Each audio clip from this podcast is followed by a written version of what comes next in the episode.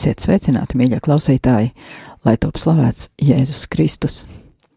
Šodien 23. septembris, pirmdiena, un kā ierasts šajā laikā, savu skanējumu sāk raidījums vairāk tevis manī, nu jau ceturtais šajā sezonā. Ar jums kopā es, Sandra Preisa. Divos iepriekšējos raidījumos sniedzu nelielu ieskatu starptautiskajā konferencē Budapeštā, kuru apmeklēja Radio Marija uzdevumā, un dalījos dažās pārdomās, kurām iedvesmu smēlos šajā konferencē. Šodien joprojām esmu uz tā paša viļņa, jo, kā jau teicu, šī konference ar savu plašo tematiku, tēmu aktualitāti un augstvērtīgajām lekcijām man bija kā prāta vētra.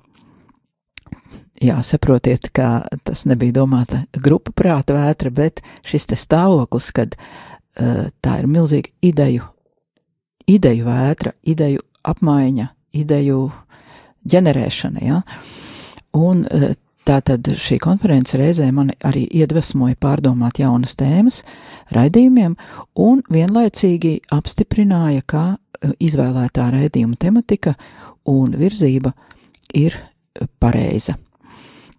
Šovakar iepazīstināšu jūs ar kādas lekcijas materiālu, eh, kurš nav no šīs konferences, taču ļoti labi sasaucas ar iepriekš raidījumos runāto, eh, to brīnišķīgi papildina un liek domāt, un arī sniedz jaunas zināšanas, kā mūsdienās pieņemts teikt, trīs vienā. Eh, bet par to pēc lūkšanas. Tagad visi kopā palūksimies un arī ar dziesmas palīdzību noskaņosimies raidījuma galvenajai daļai.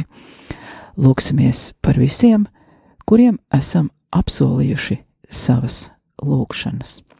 Dieva tēva un dēla un svētā gara vārdā Āmen.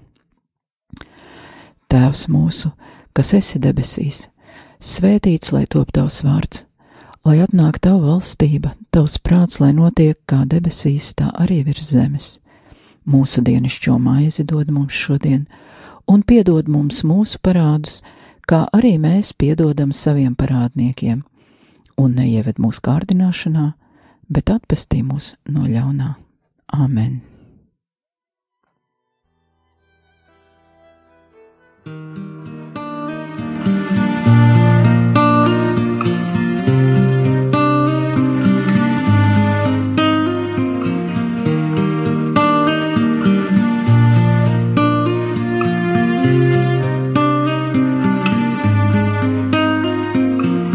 Vēloties mūs izglābt, cauri jaunavas vārtiem tu nāci, lai Marija jaunā saule mums dāvātu tavu gaismu. Kristus atrada viņu par svētāko no mums visiem. Mariju svēt dzīves pērli, tai mirdzumu dāvājot savu, tā mīlēja Dievu visvairāk, tās ticībā nebija šaubu, vien Dieva ceļus tā gāja, sev līdzi aicinot visus. Marijas pēdās, katru tā vedīs pie Kristus, Dievs Kristu atklāja sevi un Marijā savu māti.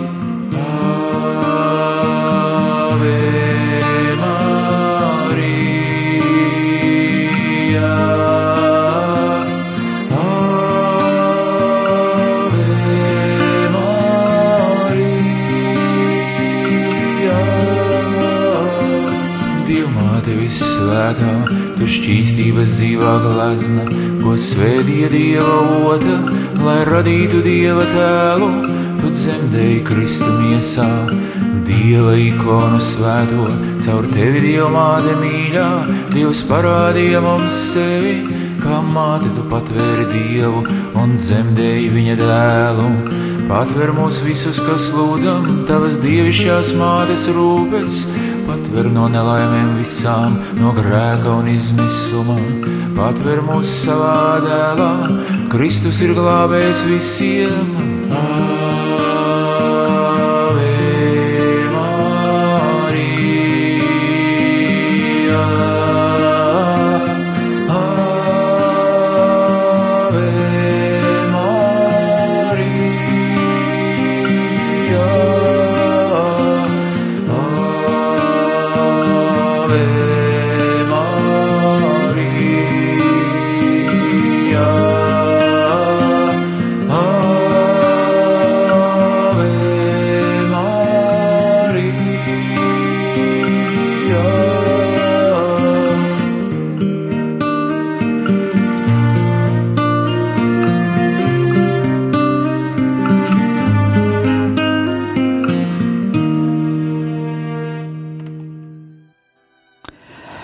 Jūsu ierīcēs skan radio Marija Latvija, un tātad Marijas aizsardzībā un iedvesmā turpināsim šo raidījumu šovakar. Skan raidījums vairāk tevis manī, un ēterā ar jums esmu es, Sandra Preisa. Šī raidījuma materiāls nāca pie manis pakāpeniski. To, ka man vajadzētu turpināt ar lekcijas materiālu, kuru es esmu izvēlējies šim vakaram, es sapratu jau pēc iepriekšējā redzījuma beigām, pagājušajā nedēļā, jo es atcerējos par šo lekciju, un man likās, ka tā ļoti labi iekļausies arī tematikā, un tā arī uh, ir aktuāla, tā ir bijusi, tā nav šī gada lekcija, tā ir lasīta pirms vairākiem gadiem, taču savu aktualitāti ne tikai nezaudē, bet pat ar vienu iegūst vairāk, jo pie mums Latvijā, kā jau mēs runājām, pārmaiņu laiki ienāk uh, lēnām tas, kas Eiropā un Amerikā jau notiek, tas pie mums vēl ir tikai nojaušams. Uh, jā, un tā tad uh, šīs nedēļas laikā es saņēmu vēl dažas iedvesmas, klausoties svētos rakstus, svētajā misē, klausoties sprediķus, un sapratu, ka jā, esam uz pareizā ceļa un par to ir jārunā. Ja atceraties iepriekšējā raidījumā, mēs runājām par svēto rakstu vietas dīvainu interpretāciju, eh, kur, kura kā sērga ir izplatījusies baznīcā. Eh, šī interpretācija ir izkropļojusi daudzu kristiešu garīgo dzīvi. Es vēlreiz nolasīšu rakstu vietu, lai jūs atcerētos, par ko bija runa, un mazliet atkārtosim. Tātad Mateja evaņģēlijas 18. nodaļa no pirmā panta sākot. Tanī pašā stundā mācekļi gāja pie Jēzus un sacīja: Kas gan ir lielākais debesu valstībā? Un Jēzus pasauca bērnu, nostatīja to viņu vidū un sacīja: Patiesi es jums saku, ja jūs neatgriežaties un netopat kā bērni, tad jūs nenāksiet debesu valstībā. Tāpēc tas, kas pazemojas kā šis bērns, ir lielākais debesu valstībā, un kas uzņem tādu bērnu manā vārdā, tas uzņem mani. Bet kas apgrēcina vienu no šiem vismazākajiem, kas tic uz mani, tam būtu labāk, ka tam piesietu dzirnu akmeni pie kakla un to noslīcinātu jūras dziļumā. Lai arī skaidri dzirdējām vārdus bērns, kas pazemojas, kādu no vismazākajiem, tomēr noteikti nojaušam, ka šajā tekstā visi vārdi nav jāsaprot burtiski. Eh, turpat Mateja evaņģēlijā citā vietā Jēzus saka: Redzi, es jūs sūtu kā avis vilku starpā, tāpēc esiet gudri kā čūskas un bezviltus kā baloži. Tā ir Mateja evaņģēlīja 10. nodaļa 16. pants. Ja palasīsim uzmanīgi Bībeli, un pavērosim arī, kā Jēzus pats dzīvo un uzvedas, mēs nekur neredzēsim, ka Jēzus ir uzvedas kā mazs bērns, nu, atskaitot, protams, savu agro bērnību un to gadījumu, kad viņš tur pazaudējās Jeruzālēmē. Tad viņam bija 12 gadu, un pie ebrejiem 12 gadi skaitās tā robeža, kad bērns tā kā no bērnības ieiet pieaugušā vecumā. Bet tajā laikā, kad Jēzus sludina, viņš nekad nesaka, ka mums jebkuram no mums cilvēkiem ir jābūt kā mazam bērnam. Eh, nekur Jēzus nelieto bērna vārdam bērns sinonīmu muļķis vai vispār nesaka, ka mums būtu jābūt tādiem muļķīšiem vai bezatbildīgiem. Tā pašā laikā Jēzus pats ir bērns saviem vecākiem, gan zemes vecākiem, Marijai un Jāzepam, gan arī Dievdēls, taču viņš ir bijis maziņš, un tad viņš ir pieaudzis, un pieaugušā vecumā viņš neuzvedas kā maziņš, un vēl vairāk viņš neuzvedas kā muļķis. Bērni pieauga, bet saviem vecākiem tik un tā viņi vienmēr ir bērni. Un, ja vērojam, ko darīja Jēzus, un ko viņš sagaidīja un prasīja no saviem mācekļiem, tā ir pieaugušu cilvēku atbildība un aktīva iesaistīšanās misijā. Kāpēc es to atkārtoju? Man šķiet, tas ir ārkārtīgi svarīgi mums katram to apzināties, jo šī te dīvainā svēto rakstu interpretācija varbūt tas ir tāds vienkārši tāds paviršs svēto rakstu skaidrojums, ka cilvēki nav iedziļinājušies kontekstā un, un vienkārši runā pirmo, kas ienāk prātā, pirmo, ko viņi tur ierauga. Uh, Bet var jau būt arī, ka tas vispār eh, šīs tas, eh, greizās svēto rakstu interpretācijas ir ievazājuši baznīcā, baznīcas ienaidnieki. Kādi cilvēki, kuri ir ieinteresēti baznīcu graut no iekšpuses. Jāatcerieties, tad iepriekšējās sezonās, kā raidījuma moto, es izmantoju Akvīnas Toma citātu, kurš skan šādi: Stulbums un nezināšana ir tiešā pretstatā gudrībai un saprašanai kā tādai, bet netiešā veidā arī visi citi grēki ir tām pretstatā. Tātad pievēršam uzmanību. Stulbums un nezināšana ir pretstats gudrībai, un arī visi citi grēki. Tātad Akvīnas Toms stulbumu un nezināšanu identificē ar grēku. Un tālāk viņš saka, arī visi citi grēki tām ir pretstatā, cik tālu gudrības un sapratnes likums, kuram jābūt jebkuras darbības pamatā, ir izkropļots caur grēku. Tātad katras darbības pamatā ir jābūt gudrībai un sapratnei, un ja tas tā nav, tad tas ir tāpēc, ka šī gudrība un sapratne ir izkropļota caur grēku. Un tālāk Akvīns Toms turpina. Tāpēc katrs ļauns cilvēks ir saucams par tādu, kurš nezina. Tas ir citāts no Svētā Akvīnas Toma darba Questiones disputāte de veritāte, 15. nodaļā, trešais jautājums, otrā sadaļa. Tātad mācīt kristietim, ka viņam jābūt mazam un par visu jāpriecājas kā muļķītim, ir ne tikai vienkārši nepareizs šīs rakstu vietas nepareiza šīs raksturvietas interpretācija, bet tā ir ļaunprātība gan pret konkrētā cilvēka garīgo izaugsmi, gan pret baznīcu kopumā. Jo šādā veidā audzinot, eh, veidojas stulbu, pasīvu, viegli ietekmējumu, bet toties pozitīvi domājošu ļaužu masa. Daudz tādu priecīgu muļķīšu. Es esmu savā pieredzē gan klausījusies šāda satura sprediķus, diemžēl, un dzirdējusi šāda veida garīgās pamācības, gan arī sastapusi cilvēkus, kuri pilnīgi bez iniciatīvas un nav gatavi meklēt savu kalpojumu, kuri ir, nu, jā. Es tagad nekritizēju, es nemēģinu nevienu iejaunot un saprotiet mani pareizi. Es tikai aicinu paskatīties uz sevi uz cilvēkiem apkārt, uz savu dzīvi galvenokārt un iedvesmot savus tuvākos.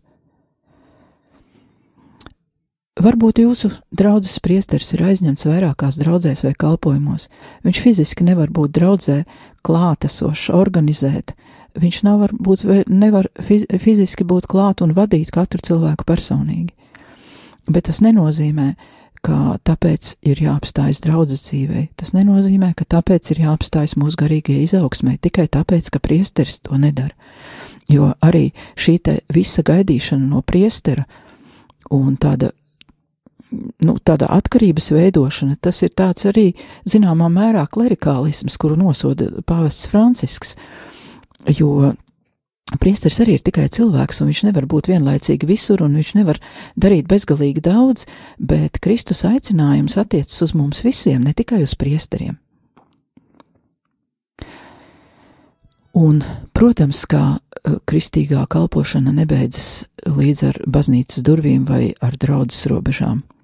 Ja jūs jūtat iedvesmu, neturiet sveci zem pūra, kā lasījām šīs dienas misijas lasījumos.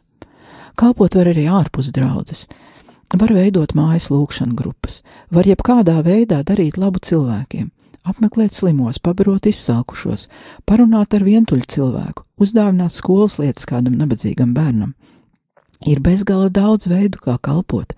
Man viens priesteris stāstīja, ka Amerikā, piemēram, vienā draudzē, viens automehāniķis, nu, ziniet, kā Amerikā drusciņi bagātāk dzīvo, un tur vientuļas māmiņas braukā ar mašīnām, un viņš bija ievērojis, ka tām vientuļām mātēm tās mašīnas tur brauc grabēdamas dūmo un neiet motori, ja, nu, tāpēc, ka viņām nav naudas tas mašīnas salabot.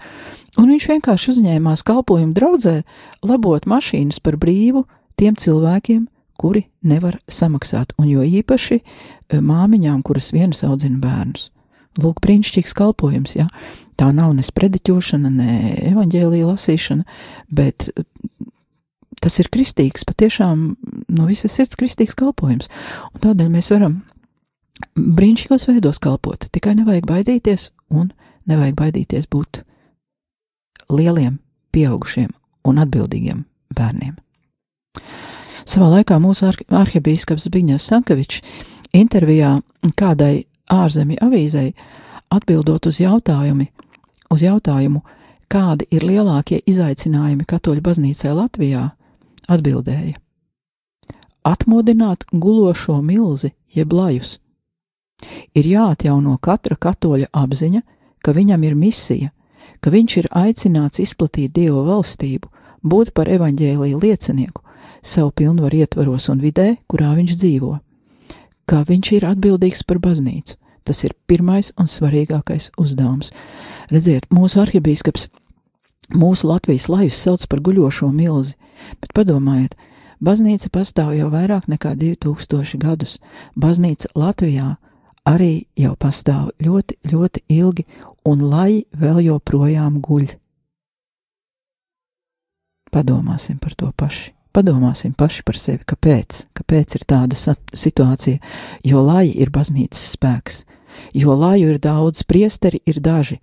Pie tam, ja ir kādas baznīcas vajāšanas, eh, priesteri ir tie, kuri tiek nogalināti vai izņemti no kalpošanas paši pirmie. Priesteri ir tie, kurus atņem baznīcā, lai iznīcinātu baznīcu. Un lāji, lāji ir baznīcas spēks, gan lai aizstāvētu priesterus, gan lai arī uh, nosargātu ticību, nosargātu baznīcu, tie ir laji. Tas ir šis te milzis, kuram ir jāmostās un jāsāk darboties. Savukārt, atgriežoties pie gudrības, ir jāsaprot, ka gudrība nav gluži tas pats, kas bezgalīga informācijas uzņemšanu, lai gan šīs lietas vienotru neizslēdz.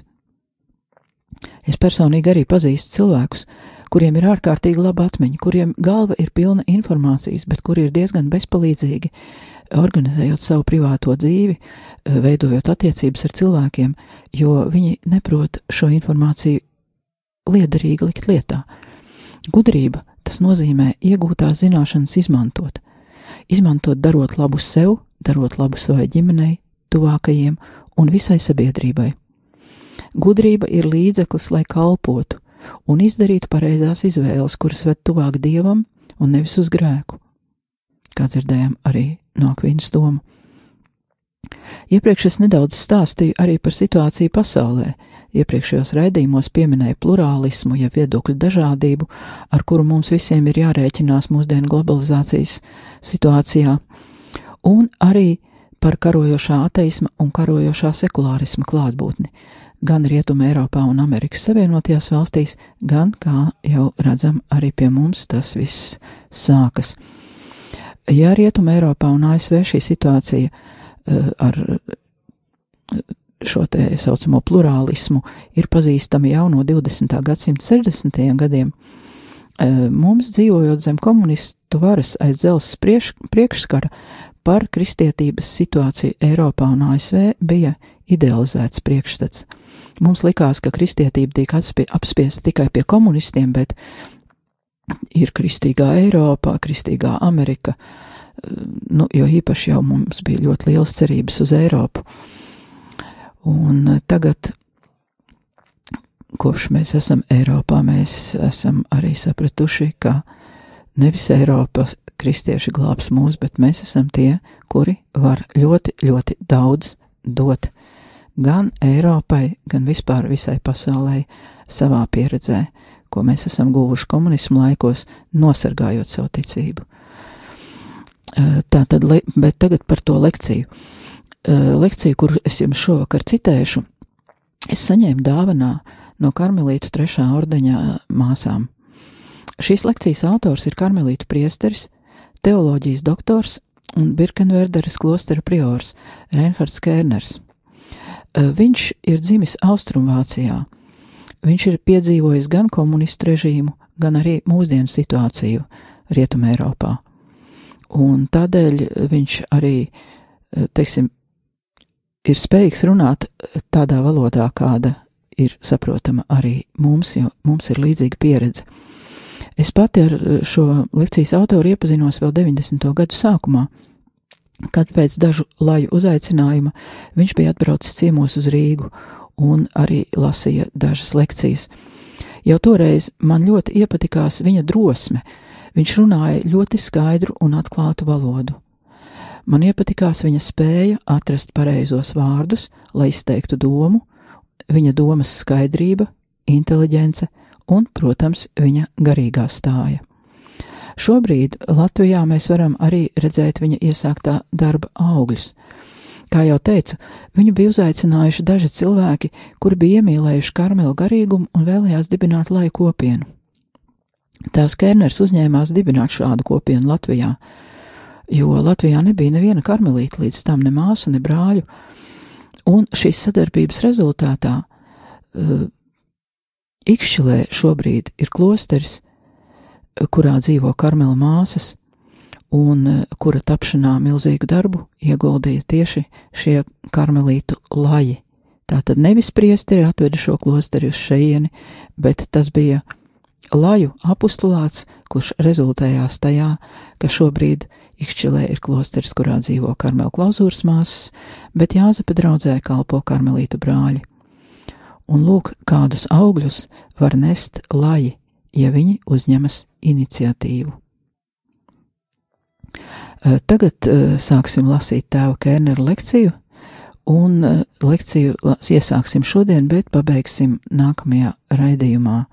Šo lekciju no vācu valodas ir tulkojusi Inga Reinvalde no Karmela Laju kopienas.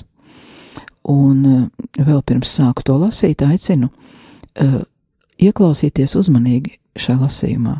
Lekcijā jūs sadzirdēsiet visu to, ko es stāstīju ievadā, un vēl daudzas citas vērtīgas lietas. Kāpēc ir svarīgi to dzirdēt? Bieži vien cilvēki, kuri nav pamatīgi iedziļinājušies baznīcas vēsturē, domā, ka pēc tam, kad Romas imperators Konstantīns 314. gadā legalizēja kristietību un padarīja to par Romas oficiālo reliģiju, kristietība kļuva par vienīgo un dominējošo. Taču šāda doma ir kļūda.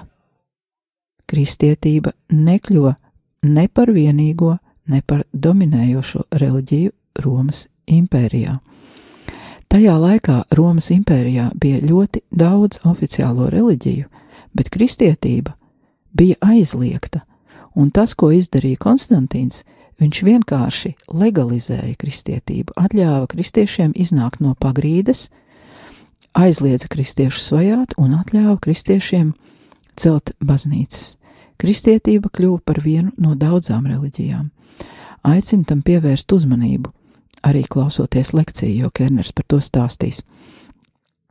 Un lai arī šī lekcija un arī šī izpratne par vēsturi dod mums drosmi šo pārmaiņu laikā būt ar skaidru skatījumu uz lietām, bez bailēm, bez panikas par to, ka laiki mainās un kā kristietība it kā zaudē savu vietu. Kristietība vietu nezaudē un nezaudēs, ja mēs katrs personīgi, katrs personīgi paliksim īsts kristietis. Tagad neliela muzikālā pauzīte, un pēc tam turpināsim.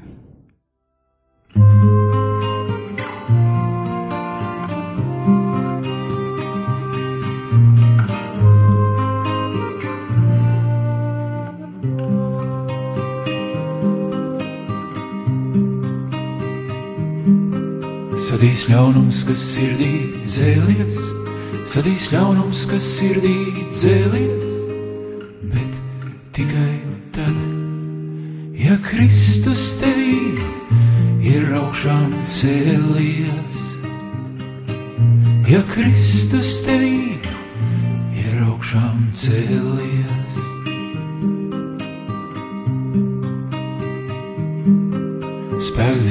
ko lūkšanā smēlies, spēks dzīvos, ko lūkšanā smēlies, bet tikai tad, ja Kristus tevī ir augšām cēlies, ja Kristus tevī ir augšām cēlies.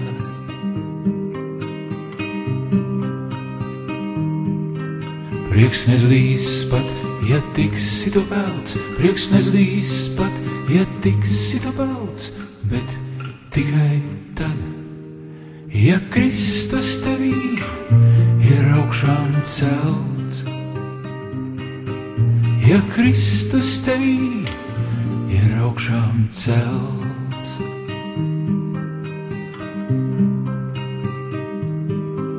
Pats slimības krusta ceļš nav velts, pats slimības krusta ceļš nav velts, bet tikai tad, ja Kristus tevī ir augšām celts.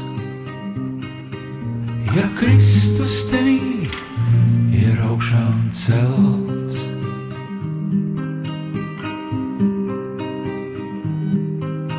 Tu izglābsies grēcinieki, ja vēlies, tu izglābsies grēcinieki, ja vēlies, bet tikai tad, ja Kristus tevī ir augšām cēlies. Ja Kristus tevī ir augšām cēlies. Skan rādījuma arī Latvijas raidījums vairāk tevis manī. Eterā ar jums es, Sandra Preisa, un turpinam raidījumu par gudrības uzklausīšanu. Tātad tagad uh, sekos lasījums no lekcijas no Reinharda Kērnera, uh, do, um, karmelīta priesterā lekcijas par gudrības uzklausīšanu, un lekcijas nosaukums - gudrības uzklausīšana jaunās Eiropas galvenais garīgums. Un ievads būs par vēsturi, par laiku vēl pirms Kristus. Tātad pirmā sadaļa - Aleksandrija ap 30. gadu pirms Kristus.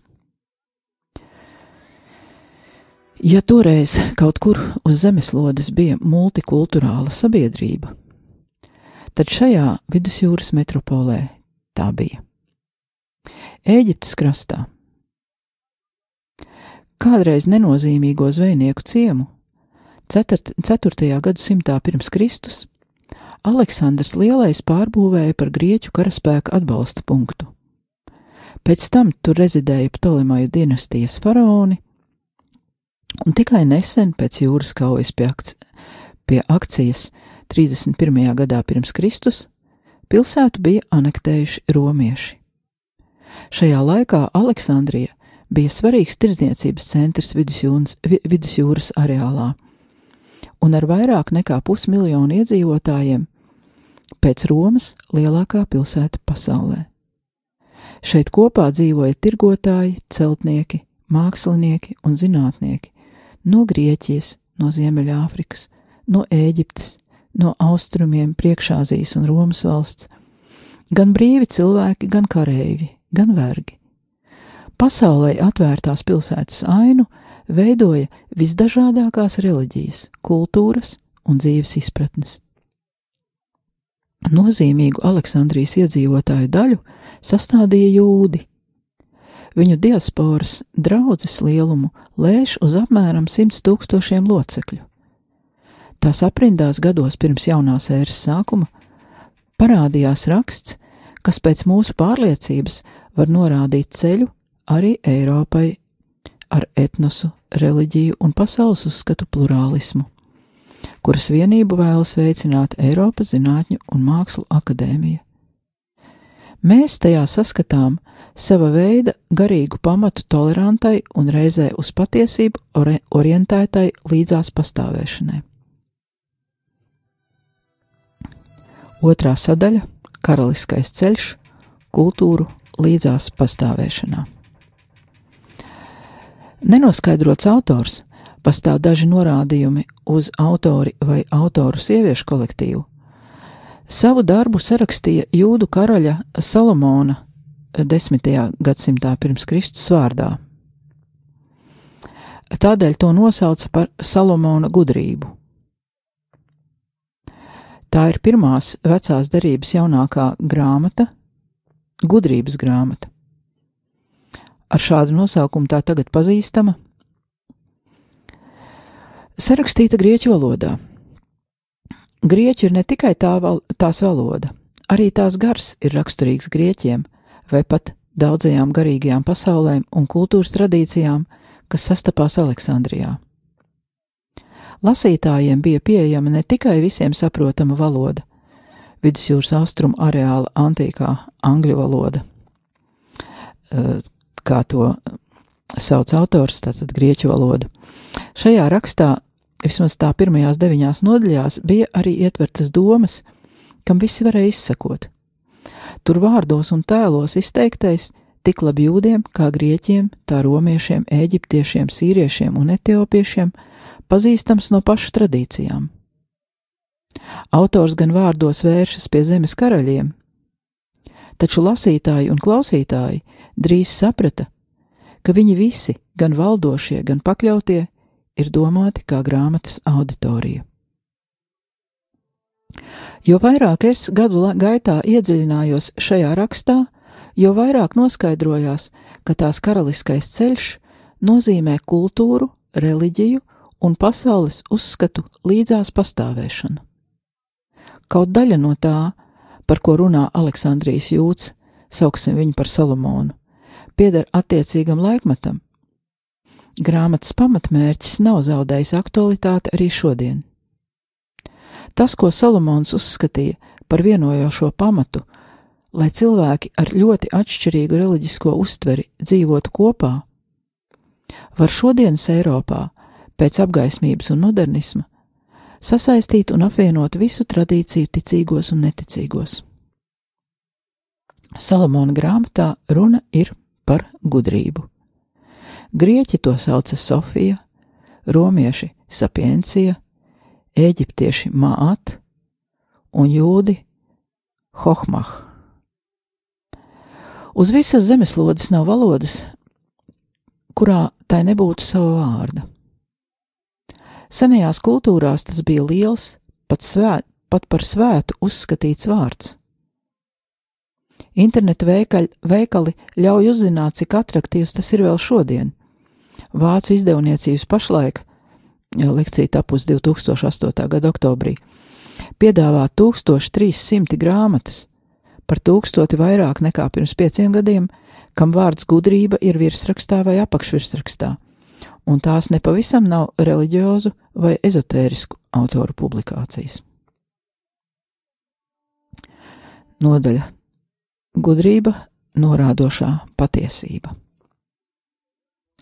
Gudrība nenozīmē ne cilvēka inteliģenci, ne viņa prāta asumu un nezināšanas, ne domāšanas un spriešanas rezultātu, un arī ne garas dzīves sasniegumus izziņā.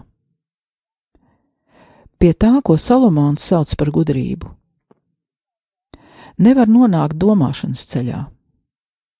Gudrība rodas pieredzē, tā ir jāsaņem. Tā ir pieredzes parādība un tai ir sakars ar to, ko mēs saucam par patiesību, kas var nozīmēt gan faktiski doto konkrēto realitāti, gan izskaidrojošu vārdu, gan pārliecinošu ieskatu, gan pareizu domu par kaut ko lielu, svarīgu un būtisku. Vācu valodas vēsturē lietvārds gudrība ir atvasināts no veizen, rādīt, parādīt, norādīt, nevis no vizen, zināt. Gudrība nozīmē norādošu patiesību, domas, pieredzi un uzskatus, kas norāda uz kaut ko tālāku, lielāku nekā mēs zinājām, domājām un jutām līdz šim. Vārda jēga var nedaudz atšķirties dažādās kultūrās, taču visas tradīcijas ir vienprātīgas par gudrības galveno nozīmi. Gudrība ir patiesība, kas atnāk pie manis, attiecas uz mani un grib man kaut ko sacīt. Vienalga, no kurienes nākusi, vai tā ir kāda cilvēka izrunāts vārds, vai tā ir kā klusumā pašā radusies doma, vārds no literatūras un dzējas, sirdsapziņas balss vai visu lietu dziesma, kā brīvkungs Jozefs von Ehendorfs ikdienā sauca mazos un lielos notikumus. Gudrība ir patiesība procesā. Tā tad nevis absolūtā gudrība, kas Salamona ticības un Abrahama izcelsmes reliģija izpratnē piemīt tikai dievam, bet gudrība, kas ved arvien tuvāk tam, no kā tā iziet. Gudrība ievada arvien lielākā esamības noslēpumā. Tā ir saistīta ar tā veida patiesību, garantē mums realitātes garantiju un reizē ļauj augt augstumā pretī labajam, labākajam un pilnīgākajam, un pretī cilvēcīgākajam. Šo norādošo patiesību Salamons pārdzīvo kā devumu un uztver to arī tad, kad tā liek apšaubīt viņa iepriekšējo domāšanu un rīcību par visvērtīgāko, ko viņam dzīve var piedāvāt. Es tai nepielīdzinu nevienu dārgakmeni, viņš atzīst savā grāmatā, jo zelts tai līdzās izliekas kā smiltis, un sudrabs salīdzinot ar to ir kā māls. Es to mīlēju vairāk nekā veselību un skaistumu, un pēc tās tiecos vairāk nekā pēc gaismas, jo nekad neizzūd spožums, ko tā izstaro. Viņš saka, ka viņam bijusi pieredze, ka gudrība, ja tai ļauj runāt un to uzklausa, ir kā skolotāja. Tā māca viņam atšķirt īstumu no šķituma, orientēties uz būtīgo, būtisko, taisnīgi izturēties pret citiem cilvēkiem un dzīvot saskaņā ar sevi un pasauli. Ar gudrību pie manis ir nācis viss labais, viņš tālāk raksta. Tās rokās bija neskaitāmas bagātības. Es priecājos par tām visām, jo gudrība māca tās pareizi lietot. Salomonam šī pieredze bija tik vērtīga, ka tā lika viņam pieņemt liktenīgu lēmumu.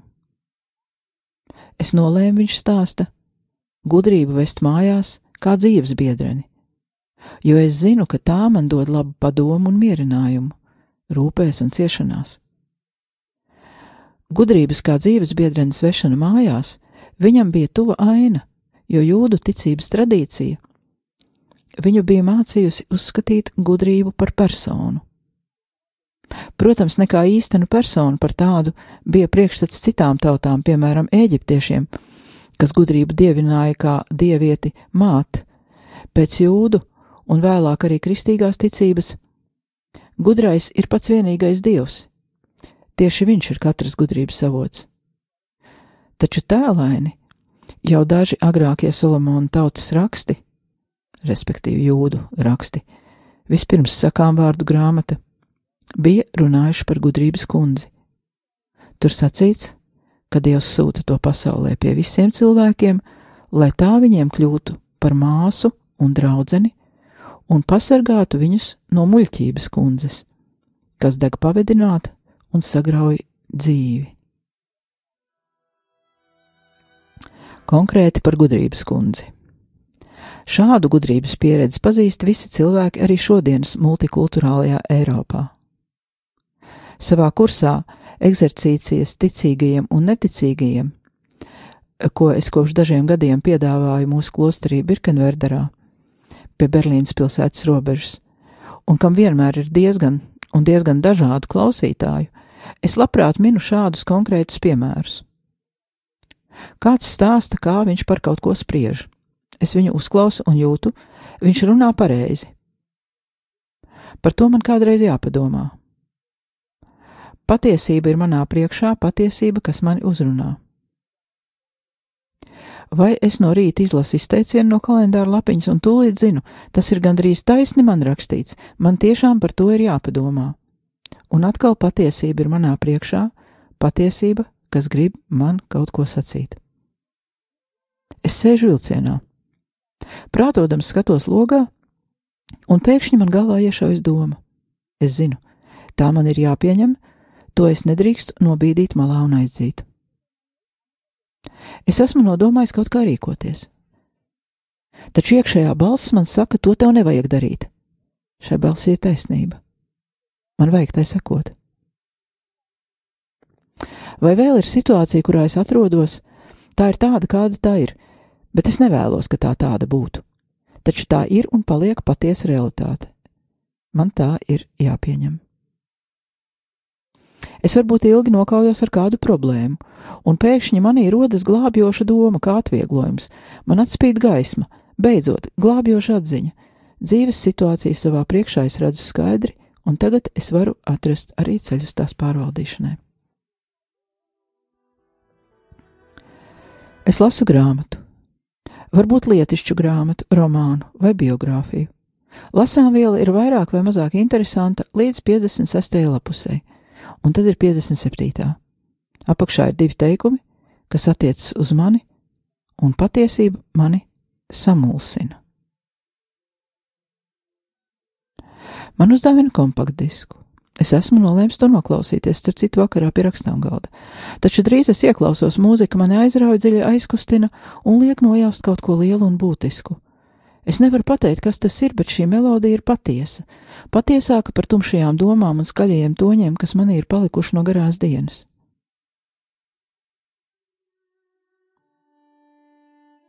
Mēs divi tā diskutējam, un mums ir dažāda uztvere. Es nevaru pieņemt sarunu biedru pārliecību. Tad viņš izsaka viedokli, kas sakustina manu iestaigāto domu ceļu, un man nāks pievienoties. Vismaz vēlāk, lai neliktu pāri savai ēnai viņa klātbūtnē.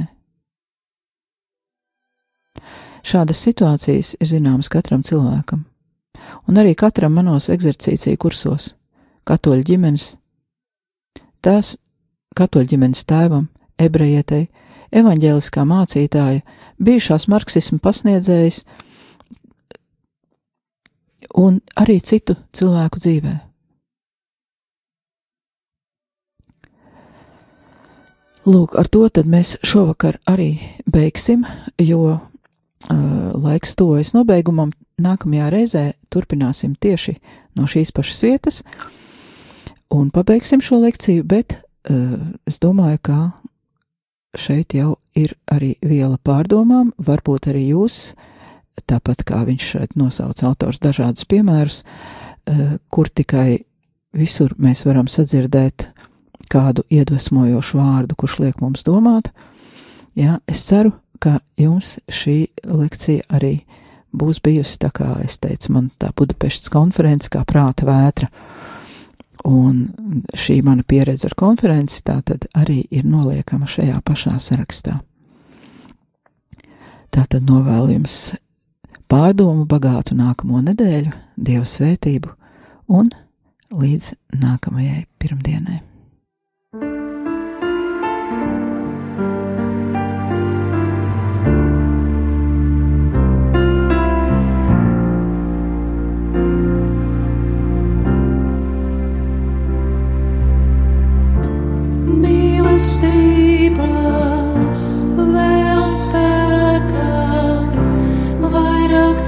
this morning.